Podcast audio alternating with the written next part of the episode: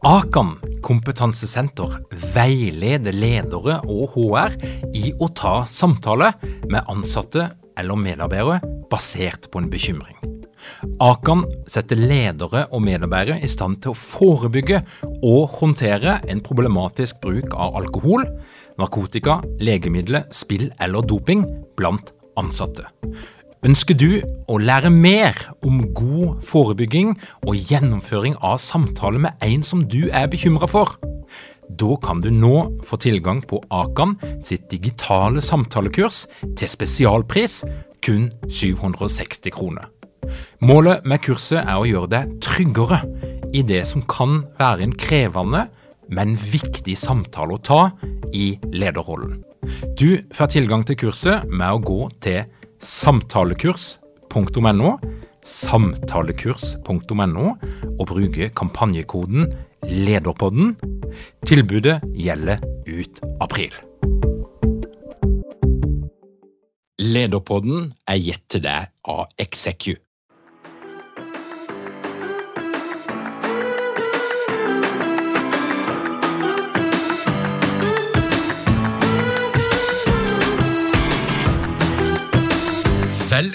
Velkommen til Lederpodden. Mitt navn er Tor Åge Eikerapen. Jeg jobber som organisasjonspsykolog med leder- og ledergruppeutvikling. Og dette her er en podkast om ledelse. Verden er full av kjedelige leder- og næringslivskonferanser. Og de har en tendens til å følge det samme oppsettet og der det du kanskje husker best og lengst, er om lunsjbuffeen var god eller dårlig. Og Derfor så blir jeg nærmest euforisk hver gang jeg hører om noen som klarer å skape noe annerledes, noe som utnytter det enorme potensialet som ligger i at ulike mennesker møtes sammen. Og For noen få uker siden så gikk historiens første XXOX, mulighetsfestival, av stabelen i Stavanger. Og Victoria Stensø hun er en av initiativtakerne, og nå er hun her! Men først skal du få et par ord fra Ellen Holt, tidligere deltaker på lederprogrammet, som i dag jobber som leder i Sveko. Ellen, var det verdt det? Ja, det er skikkelig kult, faktisk. For den følelsen sitter jeg Det er så eh, tydelig for meg at det her angrer jeg ikke én krone på. Så jeg kjørte jo full pakke. Ambisiøs og personlighetstest og alle moduler. Og jeg har hatt så god nytte av det. Jeg jobber jo med mennesker. Eh, masse mennesker. For jeg jobber også parallelt i mange prosjekter og dealer mye med mellommenneskelige ting og tang. Så jeg har fått veldig mye av eh, lederprogrammet i form av konkrete verktøy.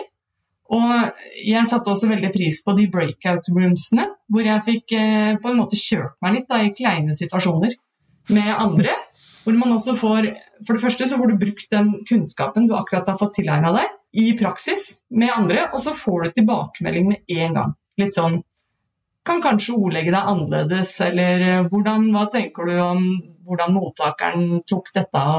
det har vært så gull, for du har fått trent deg. Jeg har også tatt fram liksom kleine situasjoner som jeg ikke har villet snakke om. Og så har jeg tatt det da i breakout rooms og i læringsgruppe. Så jeg har virkelig lært uh, mye om det. Og for min del så handla det jo også om å få en litt sånn uh, kunnskapsgrunnvoll da, for uh, ledelsesfaget. Og jeg har fått nyvunnen respekt for at ledelse faktisk er et fag. At det er veldig mange ferdigheter som man kan lære seg. Og som vi har hørt også fram til nå, at det altså er veldig viktig å øve. Så jeg, jeg, har fått masse å øve på, og jeg får praktisert det med en gang. Det har vært så deilig. Velkommen til Lederpodden, Victoria. Tusen hjertelig takk. Så stas å være her. Victoria, hva er din eh, faglig lidenskap som førte deg inn i eh, gründersituasjonen som du ikke nå er kommet i? Du, hva er min faglige lidenskap? Jo, det er Jeg tror det er to ting. Altså, jeg har veldig passion for folk. Jeg liker å jobbe med relasjoner og skape de, men, liksom de gode, magiske menneskemøtene. Men så brenner jeg òg veldig sterkt for trender. Eh, nye måter å jobbe på. Eh, jeg tror jeg er litt sånn eh, skada av å ha tatt Kaospilotene i mine yngre dager. fordi der, der fokuserte man mye på liksom, hva trender er det som er der ute som vil påvirke oss eh, eh, på en eller annen måte, eller som vi må være obs på for å holde oss relevante. Så jeg tror det liksom, det er, to ting som er veldig viktige for meg, og som sikkert også førte meg litt inn i denne mulighetsfestivalen som du snakket om. Og Til daglig så jobber du med Fuelbox, som er omtalt tidligere på Lederpodden, men så, så hadde du altså behov for å gjøre noe mer og finne på et eller annet. Og Fortell, Victoria, hvordan starta denne ideen? Uh, og, og, og, Du må jo gjerne fortelle litt om bakgrunnen for navnet, for jeg tykker det er litt gøy når jeg skjønte hva dette her XXOX egentlig betydde. Ja, Altså, jeg tror veldig mange tenkte sånn Hva er det der XXOX? Litt sånn, eh, litt sånn spesielt navn. Kunne vært litt sånn halvskummelt for noen. Men, men, det er jo ganske ufarlig. Det, var, det er jo rett og slett SWOT-analysen hvor vi streker over alle ordene unntatt O-en. Og det ble jo litt starta egentlig i koronaepidemien, hvor vi måte, når måte alt var slukt ned. Eh, og vi kjente vel på en sånn energi at, at det er veldig negativt. Eh, alle har gått inn i et sånn, litt, litt sånn frykt for ting. Eh, for ikke å møtes, for hva som vil skje med businessen. Hvor, hvor går verden egentlig? Eh, og i det så, så, har vi alle reist en del med initiativtakere, og jeg har nettopp vært eh, på f.eks. Museum of the Future. Og da fikk jeg en litt sånn aha-følelse av hva det som skjer når man går inn i en sånn slags kapsel hvor man stenger ute alt det, alt det, negative, alle truslene og det verdensbildet som vi omgir oss i, og kun ser på muligheter. Da er det på en måte noe spennende som skjer i hjernen vår. Eh, og det var liksom utgangspunktet. Litt sånn utopisk tanke. Hva skjer hvis vi samler mennesker inn i en kapsel hvor vi kun fokuserer på muligheter? Hva energi kan vi skape? Hva kan komme ut av det? Det var liksom bakgrunnen. Og så lanserte dere denne eh, sprø ideen, og hvordan, ble det tatt imot? Ja, altså, vi, vi, lanserte det, og vi begynte litt sånn sånn Dette må vi prøve som en litt sånn MVP, altså et minimal viable product. Bare la oss teste det ut. La oss ikke tenke for mye. La oss på en måte bare, bare, bare prøve. Um, og jeg tror vi tenkte litt sånn Vil folk kjøpe tanken om kun å gå inn i en slags kapsel og fokusere på muligheter, eller vil de tenke at vi er litt naive i forhold til alt det som skjer nå? Eh, men eh, det gikk jo helt hinsides bra, om jeg, kan, eh, om jeg, kan, si det i all ydmykhet. Altså, det, det gikk over all forventning. Eh, altså, festivalen var jo utsolgt en uke før tiden, og vi lagde jo ulike spor òg, og fikk med oss ulike aktører til både å ha en event i på dagen før in Oasis. Og vi hadde et eget eh, WC Investor Track, og det var solgt ut en og en halv uke før. Så, så, jeg tror vi kan si at vi traff en nerve. Mhm. Dere er jo nokså da, for dette her er jo, jeg i hvert fall hører mange som sier at nå er det vanskelig å få folk ut på events, det skal spares penger, hotellene rapporterer at det er mye mindre aktivitet på kurs- og konferansefronten, men, men eh, det brydde ikke dere noe om? Nei, altså jeg tror uh, vi søker en mulighet i det, hvis vi kan si det. Vi tenkte nok litt sånn at Det var jo et slags grasrotinitiativ. Det var jo noe vi tenkte dette gjør vi fordi vi brenner for det, og vi brenner for menneskemøter. Vi vil ha et globalt fokus. Jeg tror alle med initiativtakere har bodd mye utenlands, så vi tenkte vi sitter på store nettverk. Vi har lyst til å hjelpe eh, akkurat nå først og fremst regionen vår. Vi, vi ser det er så mange spennende selskap, scale-up-selskap for tiden, som trenger altså hvor, hvor, vi ser at vi kan være en link og få dem ut i verden. Eh, men for å være den linken så trenger vi å skape tillit, og vi trenger å gi dem en innsikt om hva er det som skjer der ute i verden, sånn at de kan se at de kan være relevante, og de bør være modige nok til å gjøre det. Eh, så jeg tror vi tenkte sånn Vi har vel egentlig ikke så mye å tape, mm. egentlig. Så bare la oss gjøre det. Og så fikk vi med oss utrolig mange bra folk. Vi fikk med oss Fabel Media eksempel, på det visuelle. Venti til å rigge opp scene og alt. Og masse frivillige studenter fra UiS og BI som bare var med. Jeg tror det er den der kollektive energien som vi klarte å skape, gjorde at alle var sånn Hvis dette ikke blir bra, så har vi iallfall jobba og hatt det vanvittig kult på veien. ja.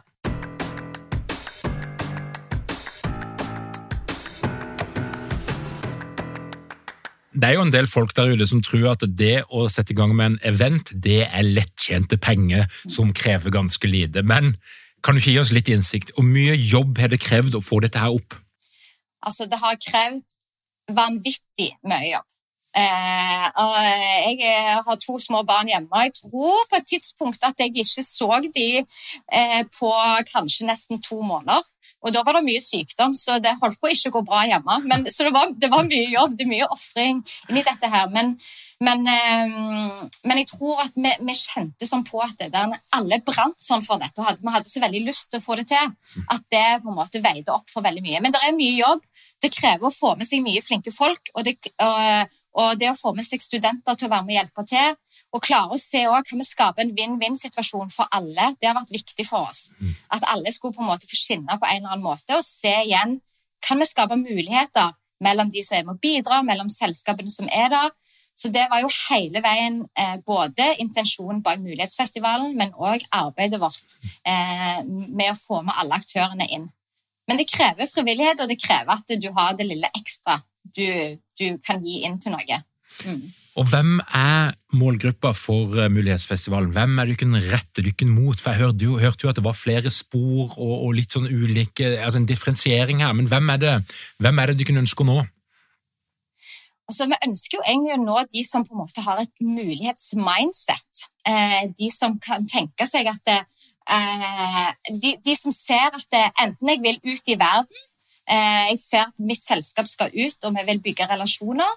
Eller vi tenker at WC investormiljø som på en måte kan se muligheten i å investere i scaleup-selskap. Eh, vi hadde òg med oss de tunge, litt større selskapene inn. Så de òg hadde vi jo med oss fordi vi ville se kan vi skape en mulighet mellom, eh, mellom scaleup eller eh, startup-selskap og de store. For skal de store klare seg i framtida, så er de nødt til å spille på eh, de som på en måte sitter kanskje med den nye teknologien eller spennende nye innsikter. Så på en måte, det, var, det, var, det er jo en stor bredde her, men, men eh, jeg, tror på en måte vi var så målretta i som du sier, du har sett på hjemmesiden, i fargene våre, i det visuelle uttrykket osv. At det var folk som på en måte tør å gå på en festival og by litt på seg sjøl. Eh, det var det. Ja. Mm. Og Da begynner vi å nærme oss liksom det som jeg er veldig spent på. Det er jo innholdet her. At eh, Det lukter jo lang vei at dere hadde ikke lyst til å lage nok en tradisjonell næringslivsfestival eller konferanse som er la oss nå si, ganske like ofte og ganske kjedelig ofte. Dette her skulle være noe annerledes, noe litt mer magisk. Kan du fortelle noe om høydepunktene, hvordan dere designa denne opplevelsen? Og jeg tror du er veldig inne på noe, fordi opplevelse var viktig for oss. Altså, Det var veldig viktig for oss, og dette tror jeg på en måte er en, en sånn fanesak. Det er at eh, vi ønsker at folk skal lean in, altså ikke lean back, som du veldig ofte ser. Veldig ofte når du går på konferanser, så går folk inn, de setter seg ned på stolen, de lener seg godt tilbake, og de forventer å få informasjon, og så gå hjem. Men vi tenkte vi har lyst til at de skal line seg inn til folkemengden. De skal være påskrudd, de skal tørre å bidra til innholdet sjøl. Eh, og vi skal på en måte prøve å bruke kompetansen til, til liksom det kollektive som er her. Folka som er her. Det er så mye kunnskap når 160 mennesker møtes, at det må vi jo få brukt for på en måte. Eh, så jeg tror på en måte det var en av tingene. Og det, det, første vi gjorde, eh, det var jo at vi så at når, du kommer til en konferanse ofte, så kommer du med din bakgrunn, du kommer med din morgen. Jeg kommer med å komme krangle med to unger så jeg skal få inn i barnehagen, og en mann som ringer meg på telefonen. Det er ofte det du kommer deg inn med, og så fortsetter du på telefonen. Vi hadde lyst heller, altså, vi lagde en eventyrsti når folk kom, en opportunity-sti. Så når du kom, så fikk du en ball. Eh, og det var sånn, eh, På den ballen sto det at hvis du har noen fordommer, så ta deg en ball. Og de fleste har noen slags fordommer eller noen tanker eller noen, en, en forutinntatthet på forhånd. Eh, og veldig mange ting sånn Hva i all verden er denne ballen? Men da ble du geleida ned i en sti som altså var i en kjeller, et helt mørkt rom med DJ og neonlys. Dette var klokka tolv på dagen. Eh, og jeg tror veldig mange tenkte Hva i all verden er jeg med på nå? Hva er dette? Og det var noe av hensikten her. Det var egentlig å utfordre tankesettet ditt litt, sånn at du blir påskrudd. For med en gang du på en måte får en sånn 'Å, gud, hva skjer nå? Hva er jeg med på nå?' Eh, eller det skjer noe, du får en slags sånn oppkvikker, så, så skrur du på en nysgjerrighet. Og den hadde vi lyst til å skru på. Mm. Og du, Før du skulle gå inn på festivalen, så ble du bedt om å kaste den ballen fra deg for å kaste fordommene. En veldig sånn fysisk ting å gjøre for å ta et standpunkt. Og det hørte jeg veldig mange i etterkant sa at søren, det skulle jeg hatt inn i mange ledermøter eller inn i mange samlinger. Altså akkurat det, at Du tar noe fysisk, og du faktisk må kaste det. Du må, et, du må ta et, et valg eh, i forhold til hva mindset du skal ha før du går inn på noe. Og så selvfølgelig var det hele programmet. Vi sier det var en festival, og på en festival så er det ulike tracks. Eh, hvis man har vært på festival, det kan man velge skal man gå litt eh, i den stille sonen, eller skal man gå der det er, der det er mer liv. Så vi prøvde å på en måte legge til rette for at det var ulike spor da, som folk kunne velge. Og så var det en hovedscene, og han som kicka det hele av, var jo Kristian Ringnes. Og jeg tror det òg har noe å si. Det er jo ofte sånn i en samtale eller hva man er på, den som først går ut og starter noe, den energien eller åpenheten på en måte den personen eh, viser, setter ofte en standard for resten. Og han viste jo en ekstrem entusiasme. Har ikke mange ledere uten trening eller utdannelse innen ledelse? Mangler dere en felles kultur og praksis for ledelse? Ønsker dere å være bedre rustet for fremtidig vekst og endring? Da kan et internt lederutviklingsprogram være en god investering. I Execu så er vi eksperter på å designe og gjennomføre bedriftsinterne lederutviklingsprogram. Hvis du ønsker å lære mer om hvordan vi kan hjelpe dykken til å få enda bedre ledere, ta og klikk deg inn på execu.no.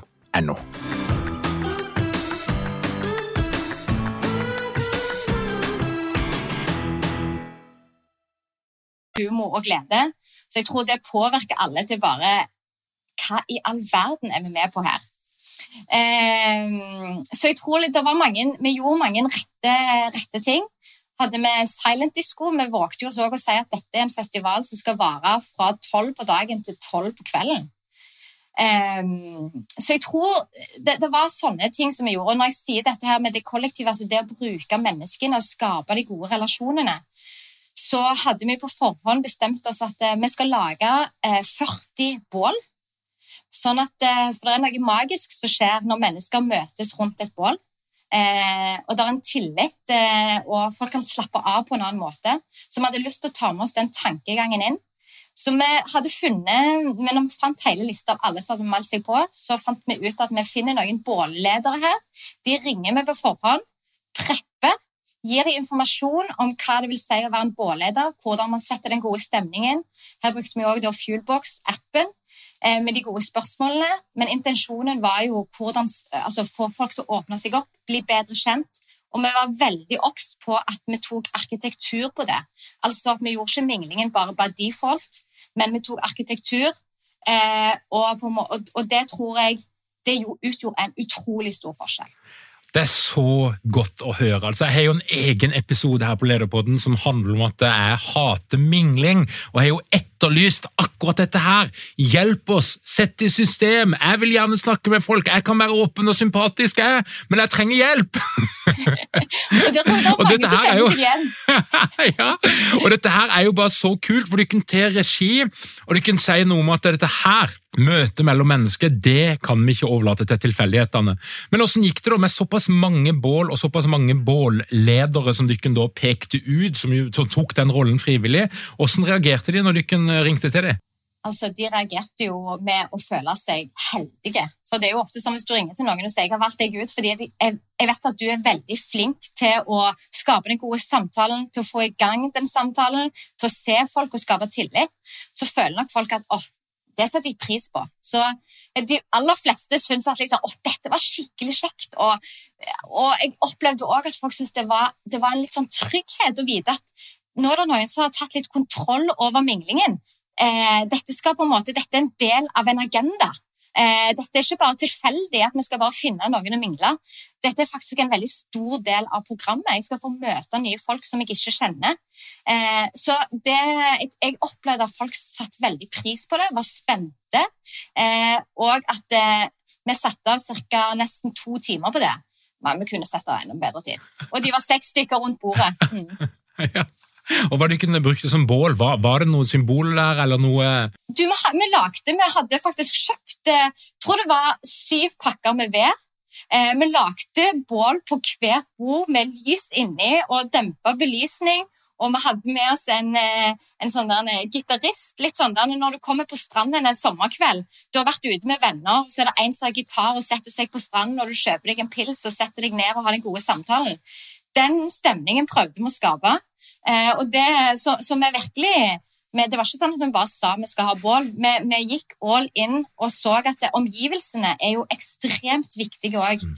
Og det tror jeg er en annen ting som på en måte var viktig her, det at vi var på, på FOMO, som er nå en ganske spennende co-working place, eller altså um, en plass, kontorbygg i Stavanger, hvor de virkelig har klart å utfordre eh, hvordan man tenker bygg i framtida. Så scenen og på en måte omgivelsene der var i seg selv en wow-opplevelse. Og hjalp oss nok i stor grad til å skape det der rommet hvor folk blir litt sånn Wow, nå er jeg inne i noe helt nytt, som igjen åpner opp og tilrettelegger for nye tanker. Hei, jeg heter Bård Fyn. Gjennom 15 år i Forsvaret så jobbet jeg masse i team, og det bygde opp en nysgjerrighet om hva det skal til for å få det beste ut av samarbeid. Nå forsker jeg på å undervise om eh, hvordan psykologisk trygghet kan bidra til gode teamprestasjoner. Jeg skal delta med en modul på lederprogrammet til eh, våren, der du skal få lære om eh, hvordan du på en praktisk måte kan lede til psykologisk trygghet. Jeg håper å se deg der. Mer informasjon på lederprogrammet.no.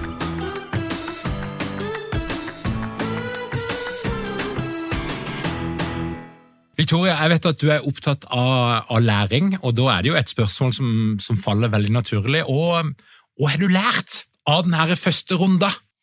Du, jeg, Hva har jeg lært av den første runden? Et veldig godt spørsmål. Jeg tror det første det er at folk de liker å, eh, de liker å lean in. Altså, De liker når vi legger til rette for å lean in. Eh, jeg tror det, det andre er behagelig, men du går hjem med en følelse av at det, altså, Et event er jo bare et event. Det, jo liksom, det, det gir jo egentlig ingenting hvis, ikke, eh, hvis, vi ikke har tenkt de lengre tankene rundt eventet, hva folk skal sitte med etterpå. Og så tenker jeg at det å, å ta arkitektur på, på, alt fra ned til minste detalj, til mingling, som jeg sa, det har jeg lært at det er helt gull verdt når du skal lage et event. Det å tenke at her vi har med vanvittig ulike mennesker å gjøre. Noen elsker mingling, noen hater mingling. Eh, noen er gode, noen er ikke gode. Eh, det å på en måte tenke men her har vi folk eh, Her har vi med så mange ulike mennesker å gjøre at her skal vi på en måte gjøre sånn at vi klarer å vise at vi passer på alle og rommer alle. Og så, hvis jeg skal si det vi fikk aller best feedback på, det var faktisk opportunity-stien. Det var den første. Og det tror jeg var fordi at folk syns at det er noe de aldri har opplevd før. Mm. Så rett og slett det å bli wowa, det å få en sånn følelse av Å, oh, hva i all verden er jeg med på? Det å få en sånn slags vekkelse, eller sånn kjenne sjøl at wow, nå blir jeg litt sånn om ikke disrupta, men nå kjenner jeg at, det, at jeg blir litt sånn vågen, nysgjerrig, jeg vet ikke helt hva som skjer. Eh, det, tror jeg var, det tror jeg er en følelse med vi, vi, havner for lite i de situasjonene tror jeg, til hverdags. Mm. Eh, og Derfor tror jeg det er veldig viktig. Vi ser jo mange som tenker vi skal inn og innovere. Så de lager et rom hvor de tenker her skal vi gå inn og så skal vi være kreative. Men de gjør ingenting. De passer ikke på at rammen er tilrettelagt, eller at hodet vårt er skrudd på på den måten, eller tuna inn. Eh, og det å tune seg inn til læring eh, og liksom bli påskrudd til det du skal gjøre, det tror jeg er kjempeviktig. Mm. Og selvfølgelig ha det gøy. Vi hadde silent disco og DJ battle. Eh, og jeg tror det var helt rått.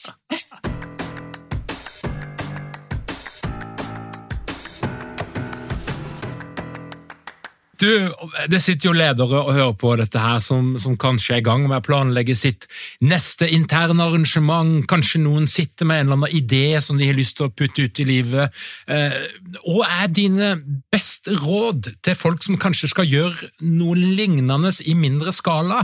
Eh, hvilke prinsipper er det de, de kan ta med seg og lære av dykken? Jeg tenker at kanskje det viktigste er det at du må tørre å være litt modig når du lager en event. Eh, du må tørre å tenke litt nytt.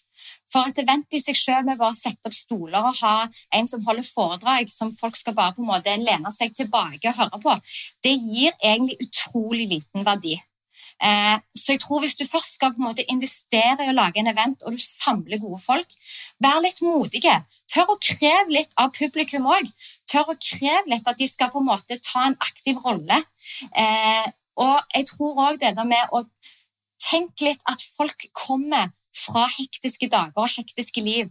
Og det er mye å kreve av noen at de skal på en måte tune seg inn til om det er AI-konferanse, eller om det er HA-konferanse, eller hva enn det er. Kan man på en måte bruke mer tid for å få folk inn i et mindset?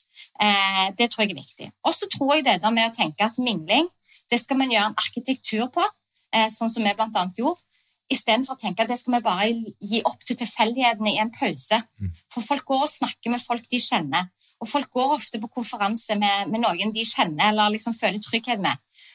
Men med en gang du tenker arkitekturen rundt det, altså da kan det skje magi, og ikke minst, folk kan bli kjent med nye. Og det kan oppstå nye muligheter med at jeg får innsikt i hva du jobber med, du får innsikt i hva jeg jobber med. Og der eh, har vi kanskje en ny business plutselig. Hvem vet? Gjorde dere noen eh, tabbe? Noe som gikk skikkelig galt, eller noe dere skulle ha droppa eller brukte for mye tid på? Eh, altså nå I etterkant skal vi faktisk ha et sånt møte på fredag hvor vi skal gå gjennom tabbene. fordi det er jo, eh, Først og fremst det ble større enn det vi trodde. Eh, så det ble jo litt sånn der eh, med innsjekking og sånne ting. Eh, vi skulle nok ha på en måte visst litt mer om hvor, hvor mye krever det å gjøre en innsjekk når alle folk kommer på en gang, og at folk kommer mye før tiden. Hvordan skal vi gjøre det? Eh, så det var en del sånn logistikkting som jeg tenker at nå i ettertid, når vi har gjort det en gang, så, så tror jeg at logistikken den, den blir en, en, ganske stor prioritet, prioritet neste gang. Og så så vi en annen ting som jeg tenker er veldig viktig. og det er at vi så det var veldig mye menn som meldte seg på. Det var mye mindre andel kvinner. Og når vi så dette når vi skulle lage arkitekturen på, på bål, f.eks., eller på disse gruppene, så snudde vi oss ganske kjapt om. Vi så det ganske seint, men vi snudde oss ganske kjapt om. Og alle de som hadde spurt om de kunne være sponsor, vi var et helt sponsorfritt eh, arrangement. Vi ønsket ikke å få regi av noen. Men um, de som hadde spurt, de sa vi da at vi har, uh, vi har, mangel på damer. Vi har lyst til å nå ut til flere kvinnelige gründere. Så hvis dere vil sponse billett, så skal vi finne de kvinnelige gründerne. Så det gjorde vi. Så vi gjorde et veldig aktivt arbeid der og fant mange damer. Eh, og det tror jeg på en måte det å, det å bli mer bevisst på det og skape det mangfoldet for hvis du skal ha en sånn type event som vi har, så, så tror jeg eh, på en måte magien ligger òg i å få både investorer, det ligger i å få gründere, det ligger i å få de etablerte. Ofte er det gründere som på en måte kanskje tenker har jeg råd til dette, dette var dyrt.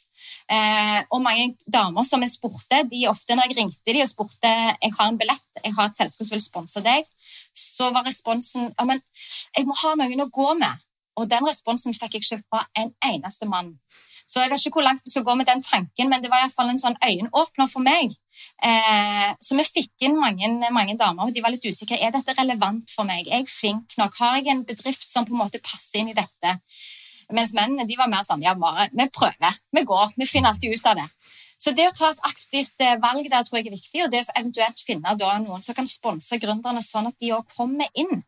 Fordi Altfor ofte så er billettprisen så dyr at de tar seg ikke råd til det. Og da får vi ikke det mangfoldet. Og igjen, Der ligger det òg arkitektur og et bevisst valg på hvordan kan man legge til rette, sånn at alle kan bli med. Det du sier der er jo kjempeviktig, at mangfold kommer ikke av seg sjøl. Du må faktisk jobbe proaktivt for å få det til. Og det var jo gøy å høre at du klarte det. Ja, Det var veldig gøy. Og det var også veldig kjekt å se at sponsorene, som, de som hadde lyst til å sponse, heller sa at ja, det er helt supert at vi kan kjøpe noen ekstra billetter, og så finner dere de som vi skal få med inn, for å igjen få det mangfoldet og få de menneskene og eventuelt selskapene som ikke nødvendigvis hadde kommet, men som dere gjør en ekstra innsats for å få inn. Eh, og det er jo det vi ønsker. Så jeg tror eh, det må vi gjøre et enda mer aktivt valg med neste gang og se enda bedre på.